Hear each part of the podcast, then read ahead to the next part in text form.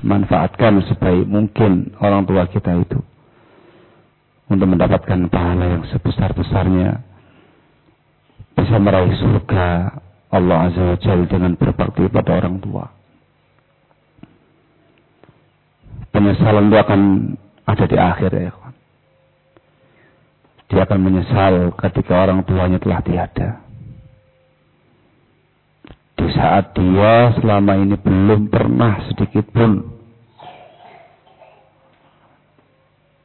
membahagiakan orang tuanya.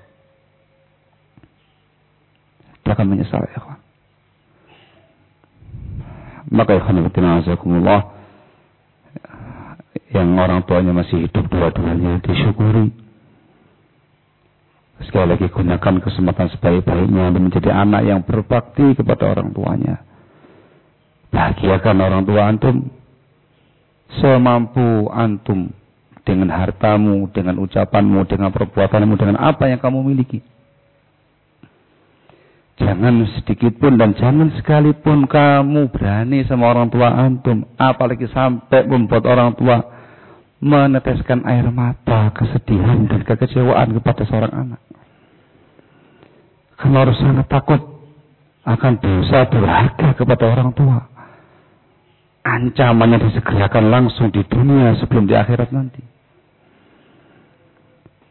Bagian orang tua telah tiada Jangan lupa terus doakan kebaikan untuk mereka semua. Doakan kebaikan untuk mereka, doakan rahmah untuk mereka, doakan martabat yang tinggi untuk mereka. Jadilah anak yang soleh yang waladun salihun yada'ulah. Anak soleh yang mendoakan orang tuanya. Barakallahu Radio Islam Indonesia RII